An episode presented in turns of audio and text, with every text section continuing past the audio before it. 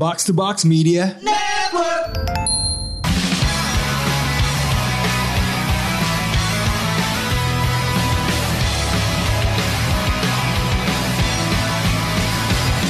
Konnichiwa, Konbanwa, Kontoru. Yoja Cinggu. Selamat datang kembali di satu SKS bareng PN Media, bagian dari Otaku Box podcast Jepangan paling strong di Indonesia.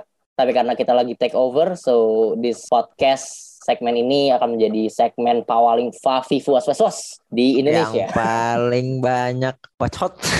Yang paling banyak eh, sok-sok.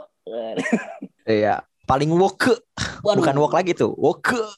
paling keras ya pokoknya paling ya, intinya semua hujatan-hujatan Hujatan-hujatan itu udah kita terima lah intinya lah terkait kebanyakan bacot gitu Iya. entah itu di tulisan-tulisan yang kita terbitkan maupun ucapan-ucapan atau diskusi-diskusi yang kita lakukan bersama Otaku Box di podcastnya gitu Iya. itu sudah banyak menerima kritikan-kritikan juga kalau kita banyak bacot sebetulnya tapi juga banyak juga yang ka, apa ya berterima kasih atau mungkin mengapresiasi gitu ya akhirnya adalah ada ada juga nih ruang kayak gini gitu di ruang perwibuan gitu. Ternyata banyak juga yang menanti ada kayak semacam wadah lah ya yang nge- ngebahas Iya. perwibuan tuh dari ya bisa dibilang agak ag- agak sedikit ngebawa kultur akademiknya gitu ya. Tapi kita Hmm. eh, disclaimer kita terbuka sekali gitu ya. Mau teman-teman nggak sepakat dengan apa yang kita bawa it's okay. Kalau sepakat pun ya kita berterima kasih gitu. Karena ya sebetulnya keresahan PN Media gitu ya keresahan gue dan Irlan pada awal membangun PN Media adalah kita nulis nih. Kami berdua nulis nggak ada yang baca gitu.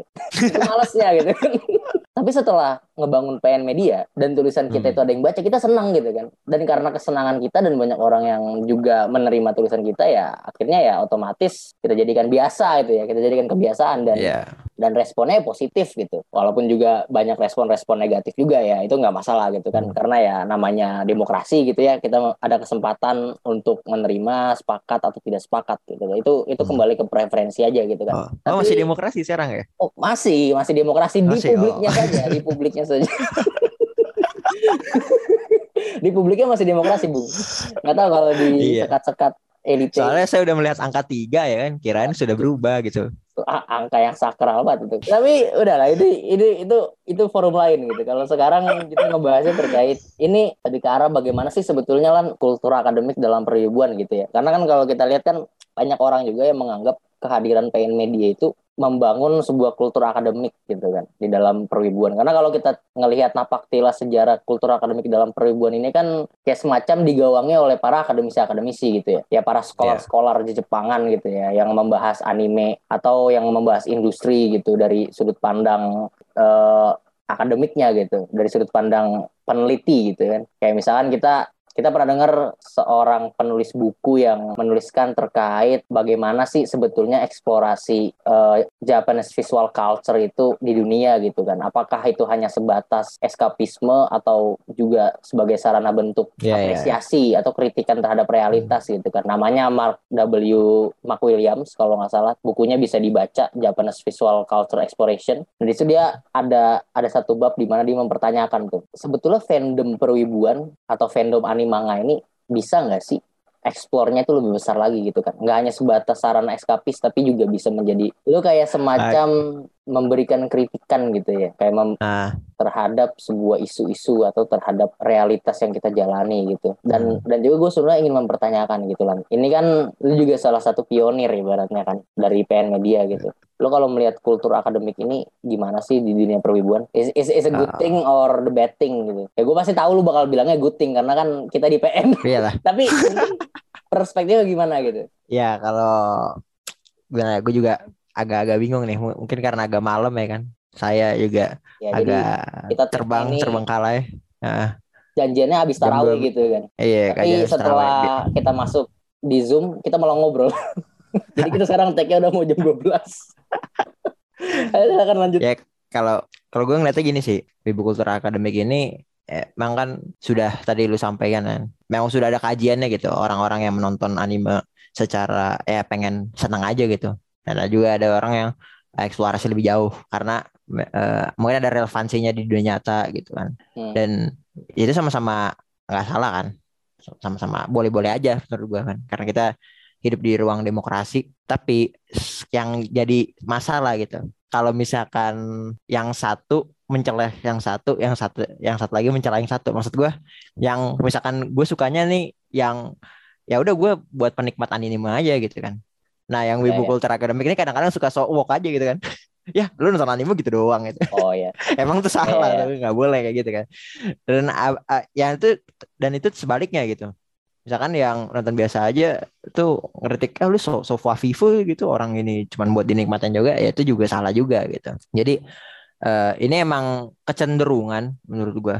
Dia, dia, per, dia dari setiap personalnya gitu. Personal orang yang menonton anime karena kan manusia juga beda-beda kan mereka punya standar yang beda-beda gitu kan. Ya. Karakteristik berbeda-beda. Jadi wajar gitu eh, yang kayak gini-gini. Dan gue lihat kultur akademik ini memang adalah sebuah keniscayaan karena kita lahir di era ya sudah ada anime gitu. Kalau zaman dulu mungkin orang keinspirasi ilmu pengetahuan atau dia membangun imajinasinya itu dari buku-buku fiksi, buku yeah, cerita yeah. gitu kayak misalkan dari Cinderella dari bukunya dulu gitu kan nggak langsung dari filmnya gitu. Karena dulu zamannya buku gitu yang diceritakan. Nah sekarang ada anime dan anime di elaborasi menjadi sebuah yang lebih dalam gitu kan. Karya-karya ilmiah lah bisa juga gitu kan dikatakan ya. karya ilmiah. Ada relevansi di nyata. Dan itu wajar. Karena dari awalnya memang itu mereka itu mangaka-mangaka itu men-trigger kan. Dari dia membuat cerita itu meriset juga dari hal-hal yang terjadi di nyata Ya. Kalau misalkan terkoneksi tiba-tiba yang nonton terkoneksi gitu, oh ini ada isunya juga nih nyata, ya itu wajar-wajar ya. aja. Itu sudah pasti terjadi gitu kan ya. kalau orang-orang uh, yang aware gitu. Artinya memang sebetulnya ada klasifikasi gitu. Karena kalau kita ngomongin secara sebetulnya ada nggak sih kayak klasifikasi dari orang-orang yang nonton anime, animanga itu ada gitu. Cara hmm. orang-orang tuh punya cara yang berbeda-beda gitu kan ketika mereka menikmati animanga gitu. Salah satu penelitiannya itu dari Lisa Mary Cooper dan kalau nggak salah ini gue pernah senggol juga gitu di podcast pertama Otaku Box eh yeah. podcast pertama PN Media bareng Otaku Box kan. Kalau misalkan hmm. uh, Mbak Lisa ini menyebut bahwa ya klasifikasi yang pertama orang menonton anime itu ya murni sarana rekreasi gitu kan, sarana hiburan gitu. Hmm. Yang kedua baru klasifikasi yang lebih ke arah lu more appreciate gitu lah ke dalam karyanya gitu. Sehingga ketika lu menonton, ketika lu membaca ya lu menggali lebih lanjut apa yang ada sih di dalamnya apa sih pemikiran-pemikiran yang ada dalam karakter ya cara simple itu sebutnya ya lu fafifu gitu nontonnya ini memang ada ada dua klasifikasi itu nah tadi poin yang yeah. bagus dari lu tuh sebetulnya kita harus respect dengan pilihan yang ada gitu kan mas gua kayak yeah. orang mau menonton anime sebagai sarana rekreasi itu itu betul itu jelas karena ya memang sejatinya tuh animanga dibuat untuk sarana rekreasi, sarana hiburan lu gitu kan. Hmm. Dan lu nggak bisa berarti menjelek-jelekan orang yang memilih itu karena itu sudah menjadi keniscayaannya. Tapi di sisi lain, ketika ada orang yang ingin lebih appreciate ya itu juga nggak bisa di dikesampingkan gitu kan. Karena artinya kan yeah. dia kan membangun sebuah culture yang mungkin dulu eksklusif hanya dilakukan oleh para yeah. akademisi-akademisi gitu kan.